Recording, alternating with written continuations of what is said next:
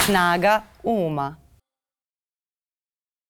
Dobar dan, dragi ljudi, dobrodošli u podcast Snaga Uma. Ja sam Miljana, a mi ovde iz ponedeljka u ponedeljak e, razgovaramo pa između ostalog i o različitim psihosocijalnim fenomenima, o fenomenima u komunikaciji, e, o svim tim stvarima koje na više ili manje vrlo često utiču e, i, i na to kako živimo svoj život, kako se obhodimo prema ljudima u svom okruženju, a ako je nešto komunikološki fenomen u poslednjih par nedelja, to je način na koji se komuniciralo u skupu Skupštini, koliko god da smo navikli na sve i svašta iz našeg političkog života, čini mi se da je ova onako tura skupštinskih sednica bila uh, vrlo specifična po mnogo čemu, tako da se ja strašno radujem da razgovaram sa, poslan, na, sa narodnim poslanikom Srđanom Milivojevićem, koji je takođe mogao sve i svašta da doživi u poslednjih uh, desetak dana koliko, koliko su se dešavale ove skandalozne sednice. Gospodin Milivojević, dobro mi došli. Bolje vas našao. Kako ste?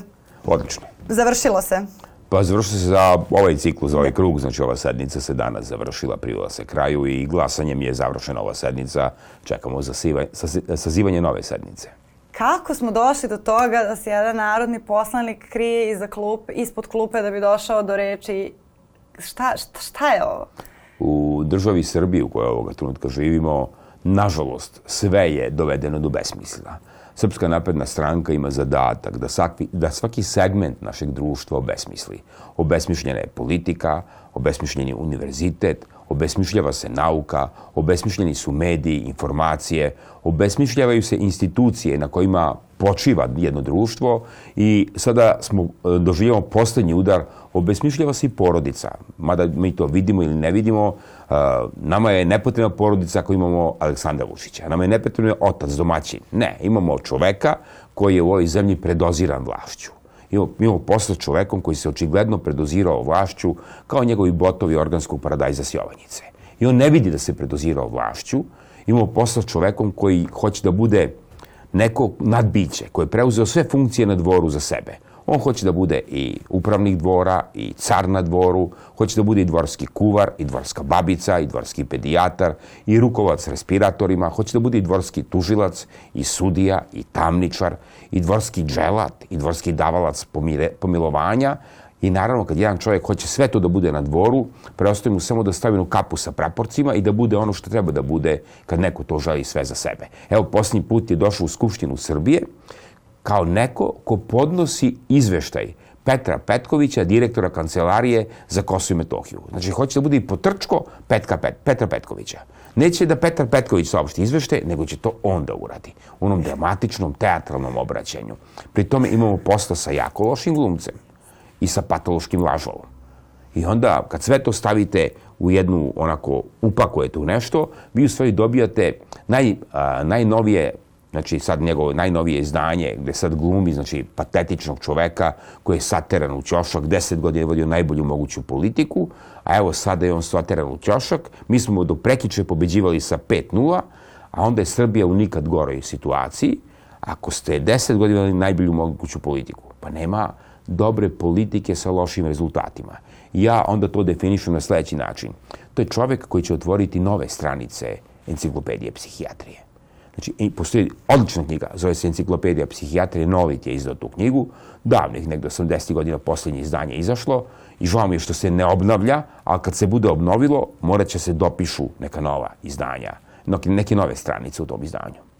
Joj, to je uvek vrlo, vrlo pipavo govoriti o, o, o državnicima i političarima u tom kontekstu mentalnog zdravlja iz, iz, mnogo, iz mnogo razloga, ali kako to, uh, meni je generalno početna ideja ovog podcasta da se kroz razgovor, kroz razmene iskustava uh, prosto i hranimo, kao što se hranimo u svom životu kroz razgovor i da je razgovor jedan veoma važan element pre svega mentalne stabilnosti, snage, naše sposobnosti da sagledamo svoju stvarnost i da rastemo, da budemo motivisani, inspirisani jedni drugima. Ko, koliko se sve to uništava u Skupštini, u jednom takvom dijalogu, u jednom takvom okruženju. Sada na stranu uh, politička opredeljenja. Mislim, kako je to okruženje i, i kako je moguće da, da ono takvo opstaje i dalje? Ako izuzmemo taj politički okvir, mi prvo nemamo dijalog u društvu. Kod nas je dijalog izgubio pre jedno deseta godina. Mi u društvu imamo monolog samo jednog čoveka. I onda imamo po vertikali taj monolog spušten na najni, od početka, od vrha te piramide do dna. Znači, od vrha piramide gde sedi faraon, pa dole do dna gde sedi čuvar petog perona autobuske stanice od 12 do 2, On se za to borio, dobio je svoju sinekuru, svojih 12 eura što radi taj posao i on prvi put u životu je važan jer je deo nekog velikog lukrativnog sistema i on je spreman da oponaša svog šefa, od kako se on ponaša na vrhu, tako on dole. Molim vas te autobuse, nemojte tako, ti tamo tišina, ti putnici čutite dok ja govorim. To je taj model oponašanja šefa. To je kao iz animalnog sveta preneseno. Znači, imamo posao sa ljudima koji uh, ne neguju kulturu dijaloga i razmene informacije. Ne, ovde se isključivo vodi monolog jednog čoveka, a uz taj monolog jednog čoveka i uz oponašanje tog čoveka imate jako dobro razvijen uslovni refleks. Vi kad njih bilo šta pitate, oni se po uslovnom refleksu brane, jer su došli u poziciju na kojoj nikad nisu mogli da sanjaju. E sad, problem je što je centar za uslovne reflekse u malom mozgu. Ljudi ako hoće da budu ozbiljna bića, humana bića, moraju da koriste i veliki mozak. I kad vi meni kažete nije dobro da govorimo, da govorimo o psihološkom uh, aspektu uh, našeg vladalca, moram da vam tu jednu stvar kažem. Ako hoćete da upravljate automobilom, vi morate da idete da uzmete lekarsko uverenje. Ako hoćete da vozite autobus da ga odgovarate za 50 ljudi, takođe lekarsko uverenje. Za upravljanje državom, da upravljate milionima života, ne treba lekarsko uverenje. Ja sam tako i završio svoj... U Srbiji. U Srbiji. U ja Americi sam... se smatra mentalno zdravlje predsednika informacijom od javnog značaja. Ako tako. predsednik, na primjer, popije lekove za smirenje, to je ozbiljna... Ozbiljna vest. Ozbiljna vest, da, da, da. Ja sam morao da svoj poslednji govor u prisustvu Aleksandra Vučića završim onom rečenicom Gospodine Vučiću, Archibald Rice nam je poručio, braćo Srbi, čuvajte se sebe. Kad je to kazao, mislio je na čoveka koji nije u stanju da vlada sobom, a hoće da vlada državom i narodom. I to je i najkraća moguća definicija stanja u kome se mi nalazimo. Stanja u kome se vodi monolog jednog čoveka koji nije u stanju da vlada sobom, a hoće da vlada državom. A da li je, mislim sad, meni je tu jedna i etička dilema uvek kada, kada god se govori o mogućnosti da neko ima neki mentalni problem sada koji ne možemo da ne možemo naravno da da tvrdimo da li je onda to pravo rešenje da koje je moralno rešenje šta mi šta mi ovde sve radimo jer sve ovo što ste rekli onako previše zvuči kao Orvelova 84. i s razlogom je ta knjiga bila jedan od bestsellera nedavno to sam videla kao odjednom ničim izazvana na, na top listama nekih od naših e, najvećih izdavača, Orwellova 84. knjiga od pre 70 godina. Uz taj sociološki pristup, da mi možemo govoriti na takav način o stanju u kome se nalazimo, evo ja ću samo da vam kažem jednu stvar. Za 10 godina, kada se budu snimale serije i dokumentarni filmovi o vremenu u kome smo mi živeli sada, ljudi neće moći da veruju da se to dešavalo. Kao što ne veruju da smo mi preživeli najveću hiperinflaciju, drugu najveću hiperinflaciju u istoriji ljudske civilizacije 90. godine i ostali normalni. Kao, pa znate kako, vjerojatno ostalo nekih mentalnih posledica, ali ljudi neće moći da veruju da se ovo što se sada dešava, da je to ono što će gledati za 10 godina. Kao će, to je nemoguće se dešava. A mislite stvarno da će za 10 godina sve ovo da bude tako davna prošlost e, i da neće da se prosto nastavi? Koliko god nam je delovalo neverovatno da će Sloboda Milošević jednog dana izgubiti vlast, on je izgubio vlast i bilo nam je neverovatno kad smo gledali dokumentarni film, ali smo zaboravili da smo kupovali benzin iz boce od 2 litra plastične Coca-Cola, koja se kod kuće iskuva u loncu vrele vode da bude manje zapremine, da u nju stane u stvari litar 80 benzina i bili smo srećni što možemo da kupimo ošte benzin na ulici. Sjetite se praznih rafova, praznih prodavnica, redova i tako dalje, tako dalje. E sada je drugačija situacija. Sada ljudi imaju koliko toliko tu socijalnu sigurnost. Mogu sa 5000 dinara da odu u Lidl i da kupe imaju da jedu. Što bi rekli u onom filmu čuvenom Vreme čuda, kada pitaju decu šta je to komunizam. Pa ustane devojčić, onaj prvi dečak kaže komunizam je kad imam da jedem svakog dana. Samo ti, samo ja. Samo to, samo to. Pa onda ustane Marica pa ga ispalja komunizam je kad svi imamo svakog dana sve da jedemo. U ovom trenutku Nemaju baš svi da jedu svakoga dana tri obroka, ali mogu nekako da se snađu. Znači ima nekog Lidla, ima neki i gore dane svi. I samo da ne bude gore ta rečenica još uvek odzvanja u ušima naših ljudi. A jesu nama baš te 90. postavile tako nisku tu donju, uh, tu donju granicu da sve što je bolje od onoga je ćuti, ne diraj. Nekima da, nekima ne.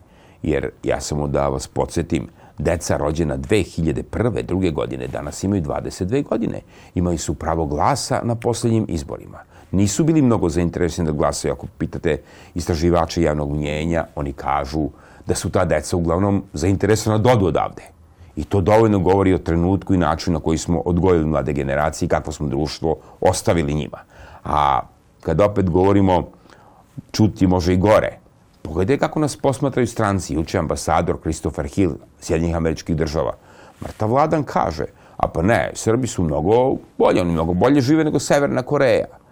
Pa moguće da živimo bolje od Severne Koreje, ali moj standard nije da živim kao Severna Koreja. Ja se nisam bunio protiv Slobodana Miloševića zato što sam bio siromašan i nisam imao novca. Ja sam bio privatni preduzetnik. Ja se bunio zato što nisam imao slobodu. I to je ono ključno, u stvari, o čemu treba da se razgovara u našem društvu. Mi nismo vas pitali generacije i generacije ljudi šta je to sloboda. Ljudi misle da je sloboda da mogu da rade šta god hoće. To je poimanje demokratije i slobode kod nas na Balkanu. Da. Ja mogu danas da radim šta god hoću. Ima puno i ruskih filozofa i antičkih filozofa koji kažu, izvinite, moja sloboda je ograničena slobodom drugog čoveka. Nije sloboda da ja radim ono što mi je dato na volju, nego mi je sloboda da ja mogu da kažem, ej čekajte, mogu da poznam gde su granice moje slobode, a da zadirem u granice vaše slobode. I pošto nismo vaspitali decu da krila njihove slobode budu jača, moćnija, lepršavija, nego slomljena krila naše slobode 90. godina, onda imamo ovo što imamo danas. Onda, s druge strane, ljudima nismo objasnili da demokratija ni jednako imam da jedem svakog dana. I onda dođete u situaciju da vam Christopher Hill kaže pa budite srećni što niste kao Severna Koreja. Pa gospodine Hill, ali ja živim ovde i vi živite ovde. I ova gospoda kamermani žive ovde. I naša deca će ostati da žive ovde, a ne vi. Nemojte da nam stavljate znači, limite koje smo mi davno prevazišli u svojoj istoriji. Kroz našu istoriju kao Srbi mi smo dostizali ogromne neslučajne vesine.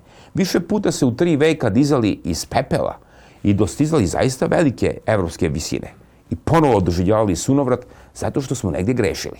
U nečemu smo očigledno grešili. Da li u obrazovanju, da li u vaspitanju, da li u poimanju osnovnih eh, vrednosti našeg društva, neka greška postoji. A sada kada napravimo paralelu između toga uh, kako, se, kako se komunicira i kako se uh, haosom skreće pažnja sa suštine onoga što bi Skupština trebalo da radi. Jer mi smo sada imali uh, zasedanje, sednica da se govorilo o nekim zakonima koji su bili strašno važni za mnoge neke ljude, ali se mnogo više govorilo uh, ili se na nekim medijima uopšte nije govorilo o tim sednicama ili se govorilo o tim prepucavanjima između opozicije, o tome kako ste vi morali da iskočite iz, ispod klupe kako biste dobili reč i tako dalje, ali se nije pričalo o suštinama, o tim promenama koje čekaju na, naš građan. Dakle, mi nismo imali, uh, nismo se bavili tim birokratskim pitanjima kojima Skupština treba da se bavi, nego smo se bavili idiotskim pitanjima, ako tako mogu da, Pa da kažem. Bavili smo se, da kažem, ponašanjem, uh, ponašanjem predsjednika Skupštine, bavili smo se tim nekim nedopustivim stvarima, pobunom protiv toga što uh, uh, je neko ponašanje nedopustivo i tako dalje. Kako je to izgledalo? Vi ste rekli kako ste poznavali Aleksandra Vučića i 93. to je već 30 godina. Koja je tu razlika između radikala i, i onda i naprednjaka danas? Evo sad da vratim samo jedan korak nazad. Počeli smo emisiju kako sam ja, kako je došlo do toga da ja u Narodnoj skupštini moram da se sakrijem ispod klupe da bih dobio reč. Da. Mi imamo čoveka koji predsedava Narodnom skupštinom, zove se Vladimir Orlić. On se više ponaša kao stečajni upravnik skupštine, a manje kao predsedavajući. Šta je posao predsedavajućeg skupštine? U normalnim demokratskim društvima on je spiker koji daje reč. Izvolite reč vi, izvolite reč vi.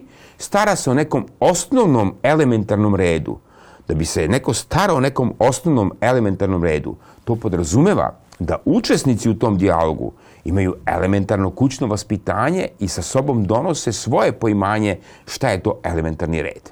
Međutim, pošto je ovde sve stvoreno kao prevara i kao pozornica, do pre dve godine, mi do, ne do pre, do pre godinu dana, prošle godine u ovo vreme, mi smo imali jednostranački parlament dobijen kao posledicu nelegalnih, nelegitimnih, pokradenih izbora. I onda je u tom jednostranačkom parlamentu tim ljudima bilo dozvoljeno da kažu šta god hoće.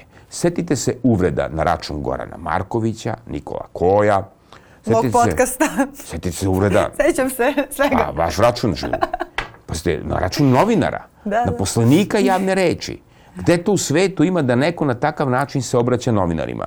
Znači, više nemamo onaj baš brutalan odgovor na nezadovoljstvo nekom emisijom ili pisanjem nekoga poput kad tad osvetit ću se Slavku Ćuruvi za reči koje meni objavljuje Dnevni telegraf, za laži koje meni objavljuje Dnevni telegraf i onda posle par meseci vidimo kako se to završi sa istrtanom siluetom Slavka Ćuruvije na asfaltu u Svetogorskoj ulici. I onda kad ste imali takvo ponašanje, ti ljudi sad ne mogu da se naviknu da je tu neka opozicija. I onda probaju tim sitnim, znači, prevarantskim trikovima da obstruiraju a, reč opozicije u parlamentu. Nisam ja u parlamentu poslanik neke političke stranke. Za mene, ja, mene predložila demokratska stranka, to je tačno imao takav izborni zakon. Ja ću uvek biti član demokratske stranke, ali ja sam narodni predstavnik ljudi koji su glasali za mene. Ja predstavljam i one ljude koji nisu glasali za mene. I kroz moja usta govori narod, građani koji su nam birali. I ako predsjedavajući sada koristi svaki mogući način da meni ne dozvoli da ja kažem to što treba da kažem i što građani očekuju da čuju, nego se trudi da kaže aha, nemaš pravo na reč, ne, to, poslovnik ste vi doneli, nemojte ovo se, naučite poslovnik. Pa izvinite, i UEFA je donela futbalska pravila, gde kaže da futbalski teren izlazi 11 futbolera. Kod nas, po pravilima Vladimira Orlića, verovatno bi na teren izašlo 24 futbolera, svaki bi imao loptu, a onda bi četvorica nabildovanih najjačih futbolera držalo protivničkog golmana vezana uz stativu i onda bi pucali na prazan gol. E sad, šta je gol? I šta je sa njima problem? Dok se tako igra utakmica, taj golman tako vezan pred kamerama RTS-a, u direktnom TV prenosu, da ima njihovih 24 futbolera s loptom, da im za 7 dana 15 evro golova. Mislim da predstavnik opoziciju prislučića. I on ne može da se pomiri s tim. I onda mora da ima te sitne prevarantske trikove, te ujudurme koje su sklone nekom nedemokratskom svetu, više su sklonije Pašićevom, onom Pašićevom načinu kada je on vršio vlast, a još bolje Nušićevom opisu narodnom poslaniku, gospođi ministarki i njegovim komedijama.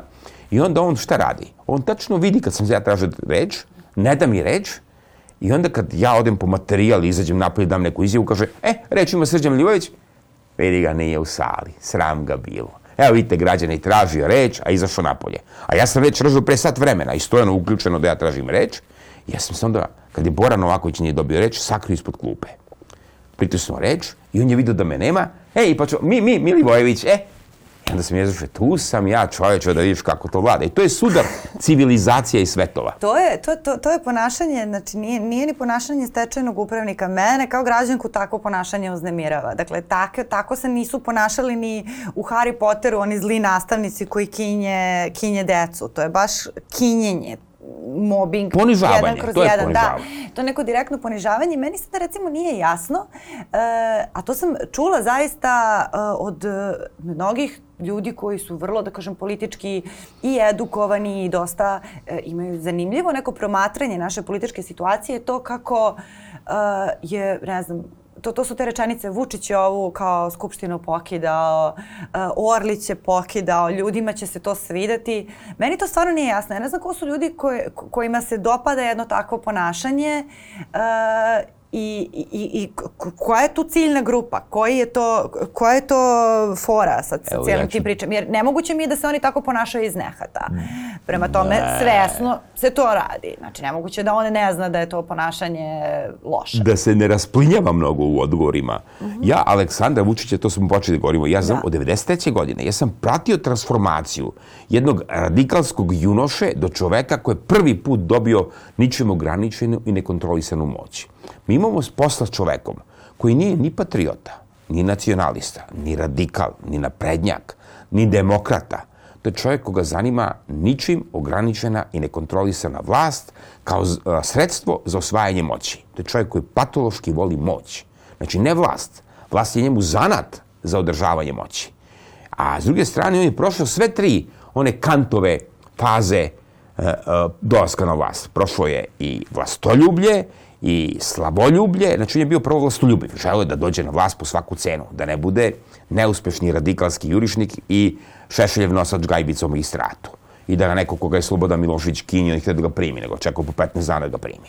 Kad je došao na vlast, nije mu dosta što je osvojio vlast. Sad mora da ga slavimo, da mu se divimo. Jao kako si pametan, jao kako si divan, daj štafetu da organizujemo. Vidite ove njegove koji tapšu kao u Severnoj Koreji, Marko Đurić, pa to ono, kondorov let možda se snimi, ono kako to ide, oni pokreti ovako. I onda imate, posle te faze, sad kod Kanta ta faza ide kao druga. Imate prvo, znači, vlastoljublje, pa imate halapljivost, pa imate slavoljublje. A kod njega je bilo vlastoljublje, pa slavoljublje i sad je ušao u fazu gramzivosti, ne halapljivosti. Oni gramzivo otimaju resurse ove zemlje. Sve pod patronatom otvaranja radnih mesta, ušteda, brige. Vi pogledate enormno bogaćenje ljudi koji su sada na vlasti. Ja posmatram te ljudi u parlamentu. Da vidite članice Srpske napredne stranke. E sada, ljudi koji se tive tome su isti takvi ljudi. Znači, to su ljudi koji se pitaju kako je moguće da neki ljudi budu gospodari života i smrti, a znaju ih iz lokalnih sredina kao sitne liferante, kao sitne prevarante, kao ljude muljatore koji su bili izloženi udaru zakona zbog teških zloupotreba. Znate što mi kažu za jednog napadnjaka? O, on je muvara, mulja, to je sta... uspešan, sposoban čovjek. To Samo, je to, da. E, to je sad glavna stvar koju hoću da vam kažem. To je to što, što korupcija ovde nije sramota. Ti kada čuješ da je neko pokrao državu, ti ga zoveš na slavu. Samo u Srbiji. Da. Za čoveka koje ne do ovde, nego do lakta gurno ruku u narodnu teglu s pekmezom. Svud u svetu tako čoveka se kaže lopov. Samo u Srbiji se kaže sposoban čovek. U što je to sposoban čovek? I tu se pravi taj sociološki model ponašanja. Vaša deca idu u školu sa decom sposobnog čoveka. I onda vam kažu, mama, tata, pa vi ste nesposobni. Pa vidiš kako je Peričin tata sposoban. Pa džip ga vozi u školu, Porsche ga odvozi u škole, bio tri puta na skijenju, dva puta na letovanju, ide u školu privatno engleskog jezika, ima šta god hoće, najnoviji model patike, nosi dve različite, pokaže da je dobio, znači ne jedan par patika. Znači sad rade deca njihova. Dve različite patike oboje u školu. Jer da se pokaže da ima dva para. Nije više pojenta da svakog dana nosi dve patike, nego da nosi dve različite patike. Da, isti model, različita e, boja. Kada se, kada se Perica bude vratio iz svoje škole i prošao pored svoje kuće i bude pročitao žutu traku na kojoj piše konfiskovano u korist države Srbije od koje, i njenih građana od kojih je konfiskovano, znaćemo da je neki red uspostavljen. I sad se vraćam na ono pitanje sa početka ovog pitanja – Kako to sad vam izgleda u parlamentu? Ko su ti ljudi koji se tim ljudima dive? To su ljudi koji hoće da budu kao oni. I oni znaju da ne mogu nikada da dosegnu toj, tu poziciju, ali da i bar da se identifikuju sa čoporom. Da, znači, kod nas je to, ta psihologija krda, čopora, mnogo jaka psihologija. I sad pa daj da ja... Jaka psihologija, ne, ne samo kod nas. Daj da budem ja deo tog čopora, pa ću da pređem u drugi čopor. E sad, poenta je što ima moralnih, čestitih, nepodkupljivih ljudi. Malo, ali ih ima. I kad ja uđem u prodavnicu i kažem, dobro, dajte mi danas. I vidim da je danas sakriven iza topke informera, Aloa, Kurira i drugih partijskih glasila Srpske napredne stranke. I kad vidim kako se to krije, da se slučajno, da slučajno, jutro sam bio, tri kioska sam obišao dok nisam našao novine Nova. Kaže, dobro, dajte mi, no... ja imam u parlamentu besplatne novine, ali iz principa kupujem novine Nova i danas, jer hoću da pomognem, jer mi se sviđa što tu piše. I onda moja majka novine Nova i danas drži na stolu kad nam eventualno dođe neko od gostiju ko gleda Pink i Happy, ona tu uh, turu ispijanja kafe zove protiv otrov. Morate sad da dobijete serum protiv otrov i ona im čita. U 80. godina ona im čita naslove iz Nove i Danasa vidio šta ovaj Vučić radi. I onda, da ne budem grub sada, da ne uvredim nekoga, imam i svog ujaka, a imam i neke ljude koji su u familiji već uh, ugurali se, u, što bi oni rekli sami, ugurali smo se sinku u desetu deceniju. imamo deset, imaju preko 90 godina. Živi bili. Nikad nisu glasali za Vučića i Miloševića. Jako dobro znaju kako je to bilo. I sad, da citiram svog ujaka, on kaže, vidim ono, da ne imam čoveka, kupio informer kad vidim da neko nosi informer, ja se pitam što ne ide četvoronoške, da kao, i sad ja ga, nemoj ujko, pusti, to je čovjek, moramo i njega da prevedemo na ovu stranu, moramo i njemu da objasnimo, moramo njemu da objasnimo da to nije dobro što tu piše, što čita. Jer nekad su ljudi kazali, pročitao sam u novinama i verovali to. I onda imam veliki problem. Nema s tim ljudima godišta mogu jaka, njih ima vrlo malo. Nego mlađim ljudima da kažem, nemojte i njih da odbacamo. Mi moramo tim ljudima da objasnimo da to nije dobro, da ih prihvatimo kod nas. Pa ne, ali ne, mi revanšizam, lustra... Ma čekajte polako. Revanšizam, lustracija, osveta, odmazda. Neka se to odnosi na one koji su zaista gurnuli ruku do ovde. Do ove koji su zaluđeni propagandom. Nemojte te ljude da odbacamo, jer neće moći da pobedimo zlo ako ih držimo sa one strane. dobro, kod nas je uvek problem sa e, pitanje mere. Mi nikad nemamo meru, ni sa popuštanjem, ni sa tolerisanjem, ni sa netolerisanjem. Uvek je to nekako kao, meni se čini da mi ovde kada bismo se naučili e, imanju mere e, i postavljanju granica, da, da bismo kao društvo pre, vrlo brzo prosvetali. Pa znate kako? Jer sve ovo je nemanje mere. Japanci su zaradili Japan. Grci su zaradili Grčku, Švajcarci Švajcarsku, a Srbi Srbiju. Ovo ovde nije došlo NATO da nama podeli, da ubije nama kralja 1903. 28. maja. To smo mi od ovde odradili. Ali sad ste, to nemanje mere. Uh, sad ste pomenuli, uh, dok, dok ste govorili o toj korupciji, o tome kako se tim uh, ljudima koji, ne znam, imaju više stanova nego što bi trebalo i, ne znam, ručaju po vrlo skupim restoranima gde je jedna večera maltene kao cela njihova poslanička plata i tako dalje, pa se time onako prilično i šepure, da se njima dive neki ljudi koji takav život žele. Dakle, oni imaju neki, neki put. I ja se sećam pre dosta godina, ja, ja sam tada bila u redakciji Nedeljnika, mi smo imali jednu temu šta je srpski san. Po uzoru na američki san i na tu uh, prosto nauču tezu da svako društvo koje je koherentno uh, treba da ima neki put koji promoviše oko koga će se skupljati. U Americi je to tada bilo to od kakva god da ti je početna tačka, ti ukoliko radiš i vredan si možeš da postaneš, ne znam, milijarder poput ovog, ovog, onog. Postoje ti neki svetli primeri na koje se mladi ljudi ugledaju i koji im daju nadu. A, ako je njihov san to da ti možeš da budeš taj koga ja znam iz kladionice ili ne znam... Konobarica iz kafića si da, postala da, i da poslanica. Postaneš, da, da, da postaneš ministarka, poslanica ili šta god zato što si snalažljiv ili si snalažljiva i ako je to taj san, da li onda opoziciji fali opozicioni san, dakle neka uspešna priča, nešto što će inspirisati i nadahnuti ljude, jer e, čini mi se da je prilično veliki problem ljudi koji su nezadovoljni trenutnom političkom situacijom, a koji su većini ipak u ovoj državi, to nemanje nade. S jedne strane ste u pravu, ljudi su izgubili nadu, ali kako su izgubili nadu? Prvo, ljudi su u Srbiji zatrovani propagandom. Mi nemamo informisanje. Ja sam malo pre, juče sam govorio u parlamentu, meni ustane uh, Milenko Jovanov i kaže vaši mediji, Nova S, N1, Čekaj čoveče, mora da shvatiš jednu stvar. Ne postoje moji i tvoji mediji. Ja imam Srbiji... više poslodavaca nego kontakata u telefonu ne, čekajte, po njima. Ja, znači, moram, ja, ja to više... objašnjam. To je vrlo važno objasniti ljudima koji se bave politikom i građanima. Postoje partijska glasila tabloidnog karaktera koje su u vlastištvu Srpske napredne stranke i postoje nezavisni mediji. Ne opozicijni, ne Šolakovi, ne moji tvoji, nego zaista postoje objektivni mediji. N1 i Nova S su sačuvali objektivnost. Danas je sačuvao objektivnost. Ja ne mogu da svrstavam to kao moj medij. Oni kritikuju i opoziciju i vlast. S druge strane, kad to raščistimo, kad su ljudi zatovani propagandom, s druge strane su uništene sve vrednosti. Nama je javni moral u ovoj zemlji uništen. Ovde se ljudi vaspitavaju, generacije dece, da se ne isplati biti pošten. Znači, mi sad imamo vrlo težak posao da izgradimo javni moral, da vratimo ljudima veru u poštenje kao jednu e, karakternu crtu, kao moralnu normu, elementarnu, esencijalnu moralnu normu.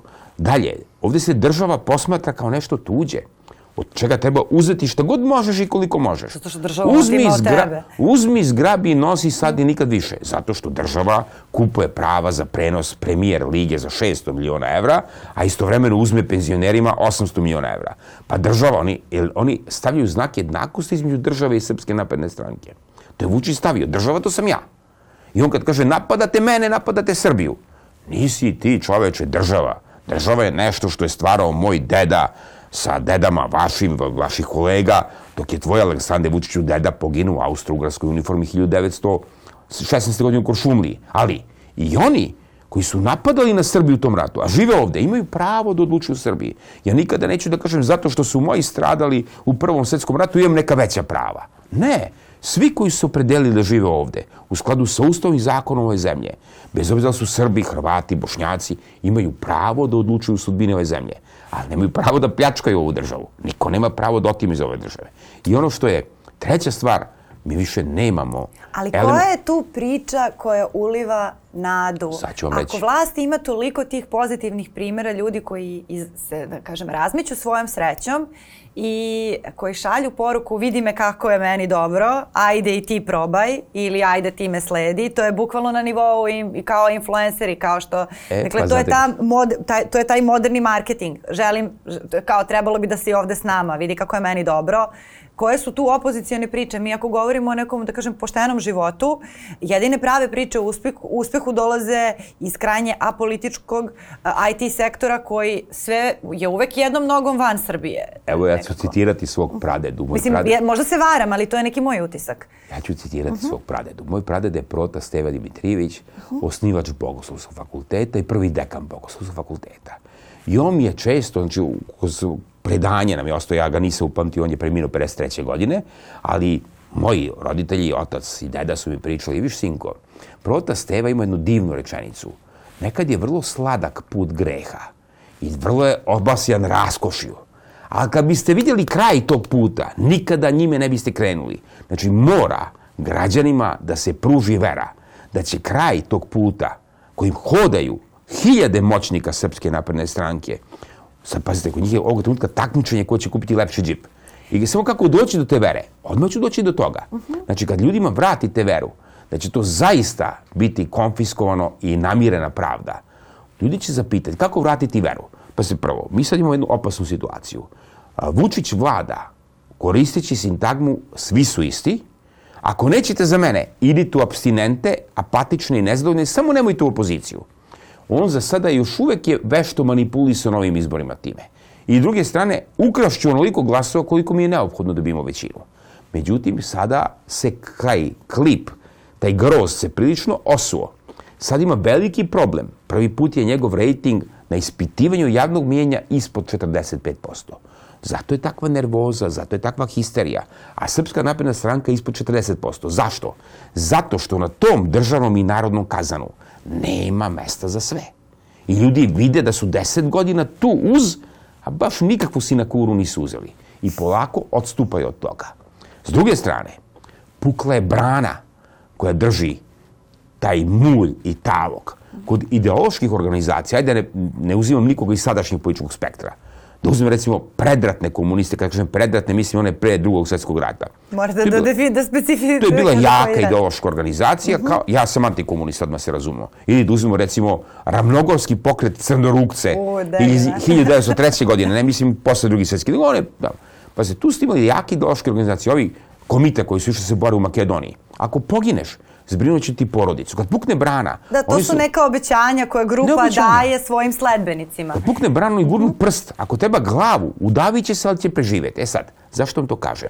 Kad u interesnim organizacijama, a ovo je interesna organizacija od političkog krila organizovanog kriminala, gde živimo spregu organizovanog kriminala i vrha vlasti, još jedna od definicija mafije, pukla je brana i to teče dole, sav taj mulj. Ali tu pored, u veliku su seli neki ribolovci sa nekim radovima, mrežama, hvataju Jovanjicu, Krušik, polako se te afere gomilaju u jedno veliko đule koje će svom snagom udariti u tu branu. Gde je problem? Problem je što nema ko da artikuliše narodno nezadovoljstvo ovoga trenutka.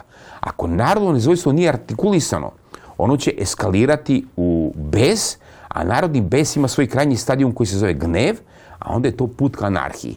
I to je sada zadatak političkih stranaka. Ili ka anarhiji ili ka apatiji. Znači ne. ili agresija ili depresija. Moram, tu je sad zadatak političkih e. stranaka da u parlamentu to artikulišu, da ne bi eskalirao taj način. Mene brine da vas vratim na, na, onu, na onu nadu. E, zato što, recimo, ajde, baš da pođem od sebe, ovo je podcast, tako da, tako da to mogu. E, ja nikada nisam imala dilemu da li želim da živim život bilo koje od tih žena koje sede u poslaničkim klupama ili u ministarstvima ili bilo kog od tih ministara. Meni ne treba nikakav toksikološki na, nalaz da vidim kada nekome cakle oči od kokaina ili kada vidim da ženi ovolika štitna žlezda naduvena od nezadovoljstva. Meni ti ljudi sada, nevezano za to šta njih čeka, da li će oni završiti u zatvoru ili tako dalje, tačno da se doživotno uh, na taj način bogate i da vladaju. Ja vidim da su oni sada nesrećni. Oni su možda zadovoljni, ali u njima kuva na neki način sa kojim ja ne želim prosto da imam posla. I nemam tu vrstu dileme, niti, bi, niti bih se sad ja osjećala bolje politički kada bih znala, ok, oni će nešto. Ali s druge strane, uh, nemam tu neku, da kažem, pozitivnu priču sa kojom bih se ja poistovetila. Nemam uzore, nemam tu neku, uh, ba, baš to, taj neki model da kažem, ok, uh, ovim putem bih želela da idem, uh, želim da se aktiviram i da budem kao ova osoba. Dakle, to, taj neki model, taj neki Steve Jobs, da to nešto što, što, što, će, što će biti pozitivan primer za ljude koji su nezadovoljni uh, ovom trenutnom političkom situacijom i koji će im dati nadu da kažu ok, izađe na ulicu ili šta god tog tipa. Ok, ja sam novinarka i imam neku drugu, drugu vrstu priče i moji uzori su drugačiji, ali prosto kada razmišljam iz pozicije nekih svojih političkih razmišljanja šta bi bilo da se ne bavim novinarstvom i da ne doprinosim kroz, kroz, kroz ovaj podcast, kolumne i slično, tu bih se vrlo ja teško snašla da kažem de, da li da krenem, da li da stanem, da li da sednem, da li da padnem, šta da radim. Evo prvo da vam kažem, ti ljudi nisu nezadovoljni. Uh -huh. Oni su sada uplašeni. Jer su prošli mnogo veći deo puta, a mnogo manje im je ostao. Oni se prvo plaše Vučića svi, što se, već nije prijatna pozicija. Oni se plaše Vučića i žive u neprekidnom strahu da su zadovoljni gospodara. A s druge strane, plaše se jer taj avion koji su nabavili iz Brazila, on ima samo 13 sedišta. I sad ja sam... Kakav avion iz Brazila? Sad, ovde ste rekli sile neke podatke za koje ne znamo, dakle vam informacije, pa sam pustila. Znači, ono što kao kupila Galenika, onaj avion Aha, koji stoji dobro. na pisti, su imali 13 sedišta. Ja sam nekima rekao, vidite, vi možete eventualno se uhvatite zubima za krivo. Jer kad, ako, jeste gledali... Kad je, pacova, to zvuči ne, ne, kao sećate, vi ste mladi, ne sećate se toga. Uh, starije generacije sećaju Ferdinanda i Imel de Marcos, bračnog para diktatora sa Filipina. Dobro. Oni su bili američki njih ispostava i bili su diktatori neviđenih razmjera. Kad su bežali iz Filipina, došli su tri aviona po njih. Jedan za cipele, jedan za pare i jedan samo njih i dvoje selo. Ili onaj iz Bolivije sad kad je bezao, ako ste gledali, znači onaj sa torbama novcem što sedi pozadi. E vidite, ja sam njima to rekao u Skupštini. Taj avion ima 13 sedišta. Vi ćete eventualno zubima da se uhvatite za krilo. I kad poleti avion, nekako ćete izdržati do to pole Mladenovca. Tu će već polako početi da popuštaju zubi i padate dole s padobranom, naravno, niko neće da strada, ali pravo padate u ruke naroda. I kaže, o, pa tebe čekamo. Pa vi koji ste pokrali naše pare. A, vi pripadate generaciji ljudi koje je znatno mlađa od moje generacije. I sada, ako pitamo o vraćanju nade, kako pobuditi nadu? Pazite, a, kad sada radite istraživanja umijenja, najborbeniji ljudi, nažalost, su ljudi mojih godina ili dve, tri, od 73. do 61. I mlade feminiskinje. Oni su naj... E, to, su, to je sad druga generacija. To je druga generacija. Ali šta Vučić vešto radi i čime manipuliše? On u vašu generaciju usađuje taj virus apatije, rečenicom svi su isti, svi su se oprobali, nema niko ko... Či svi ste vi vršili vlast. On kaže i ne daju Beograd, bili ste vlast. On kaže i dverima bili ste vlast. Palu Grboviću koji ima 10 godina, mislim. Ček, to, mat, to je tek... Kada si ti bio na vlasti, čovječe, šta je s tobom? Jeste, on mlađi od mene. I vraćam se na treću vrlo važnu stvar. Uh, ovde se sve valorizovalo kroz novac. Sve ima materijalnu vrednost. Znači sve ima materijalnu vrednost, sve je na prodaju i sve se kupuje i sve se prodaje. I onda je problem kad dođe do ljudi koji ne može da kupi. Znate kakva je to panika?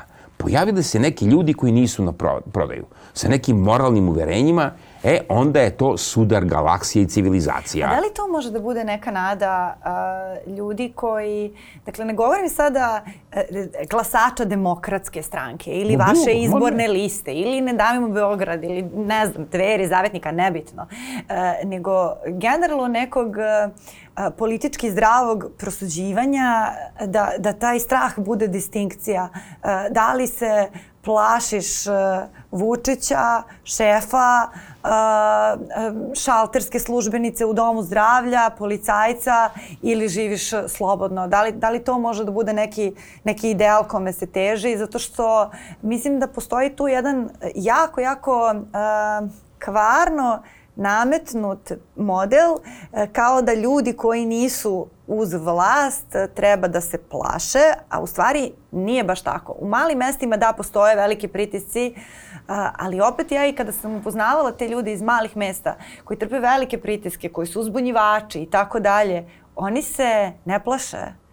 Oni su sami sa sobom vi vidite da su oni ok, mnogo više nego neki ljudi koji su na izuzetno visokim pozicijama i koji uživaju sve te silne plodove i nose lubutenci i pele i imaju te stanove fantastične, ali ti vidiš da oni, vidite da prosto su kao tempirane bombe, da samo što ne puknu. Treba im zagrljaj više nego išta. E vidite, uh, kad uđete uh mhm. -huh po Srbiji i sretnete te ljude koji se nisu prodali, koji nisu pokletli, koji su sačuvali moralni integritet, dignititet, koji su sačuvali svoje ja, koji mirno spavaju i sebe posmataju u gledalu, oni su najveći neprijatelji ove vlasti.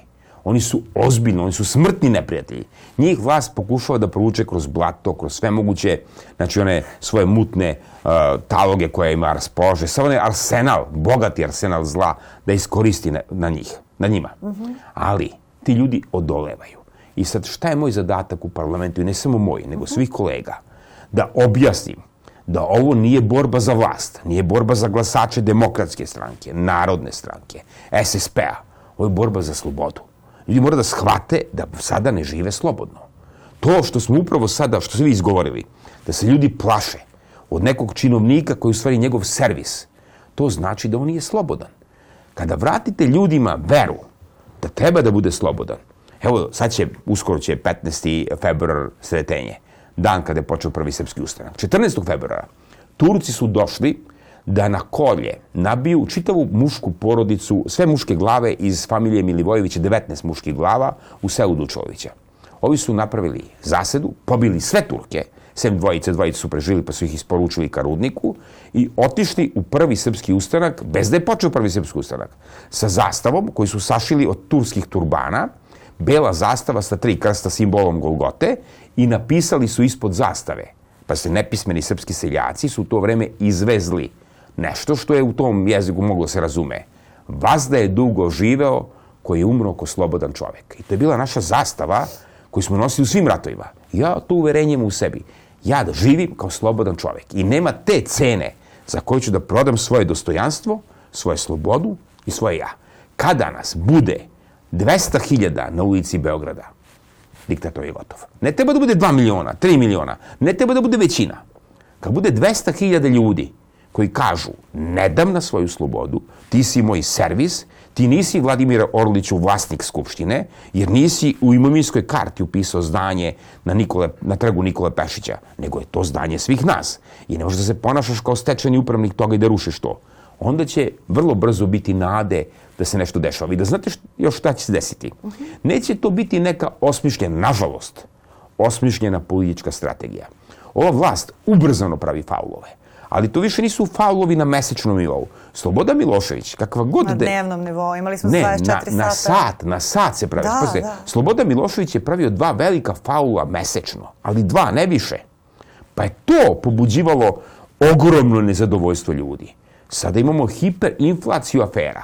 Veći protok informacija, brže vreme. Sve to ubrzalo se vreme, ima interneta. S druge strane, da je kod Zorana Đinđića 2000. postojao Twitter, nikad mi ne bi slušali slovo. Sredalo bi se na Twitteru, a što sam mu napisao, a što sam mu rekao. Pa on to i hoće. Ali kad izađeš na ulicu da mu kažeš, e, on to neće. To mu se ne sviđa.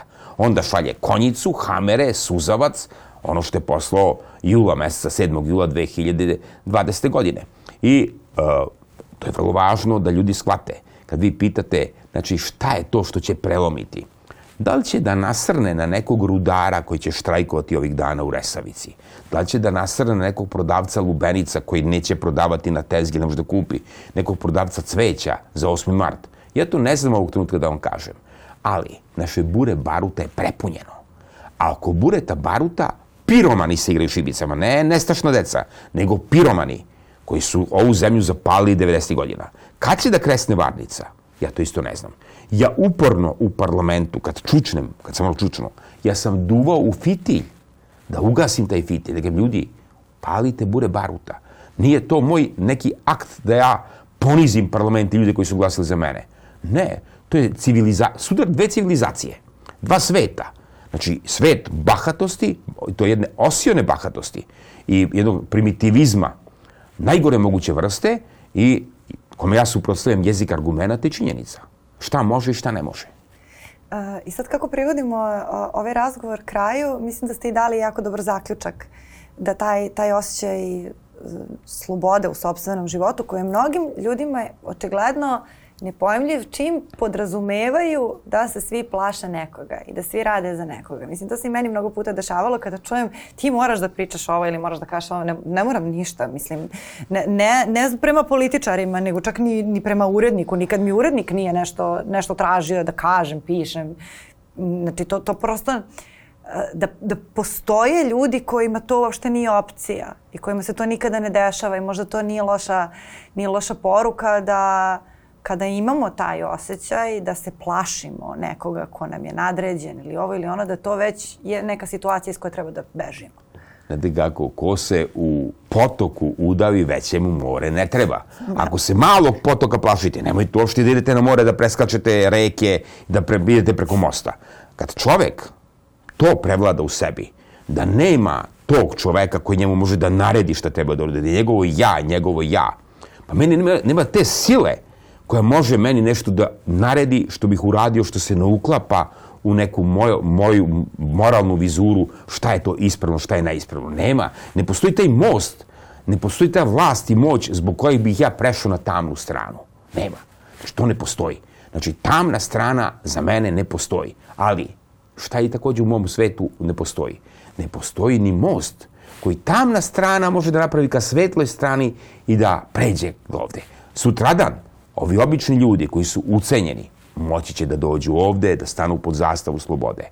Ali vi, gospodo, koji ste ovo radili u ovom narodu, nema mosta na, mosta na koji mogu da setnu dobro i zlo, pravda i nasilje, mudrost i glupost, poštenje i izopačena pokvarenost. I tu veru treba vratiti ljudima. Neće biti mogućnosti da dođe... Da SPS ponovo napravi koaliciju, da šali se. Ne, ne, ne, ne, nema nikakve šale. Da, da, pa Vi to je, to je otprilike, to, to je taj most o kom ste govorili. Obični članovi nekako... Srpske napredne stranke, SPS-a.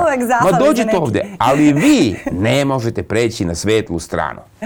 Hvala vam mnogo na razgovor. Nadam se da ćemo imati priliku ponovo da razgovaramo. Nadam se da ćete vi sa svim svojim kolegama narodnim poslanicima imati priliku mnogo normalnije da razgovarate i da ćemo mi imati priliku da čujemo neku razmenu mišljenja i mnogo kvalitetniji rad u parlamentu. Hvala vam. A, a hvala vama na vremenu i pažnji. Razgovarali smo danas ovde sa gospodinom Srđanom Milivojevićem. Nadam se da vam je ovaj razgovor prijao, da ste dobili neke nove ideje. Mi smo tu i sledećeg poneljka na Nova RS. Prijetno.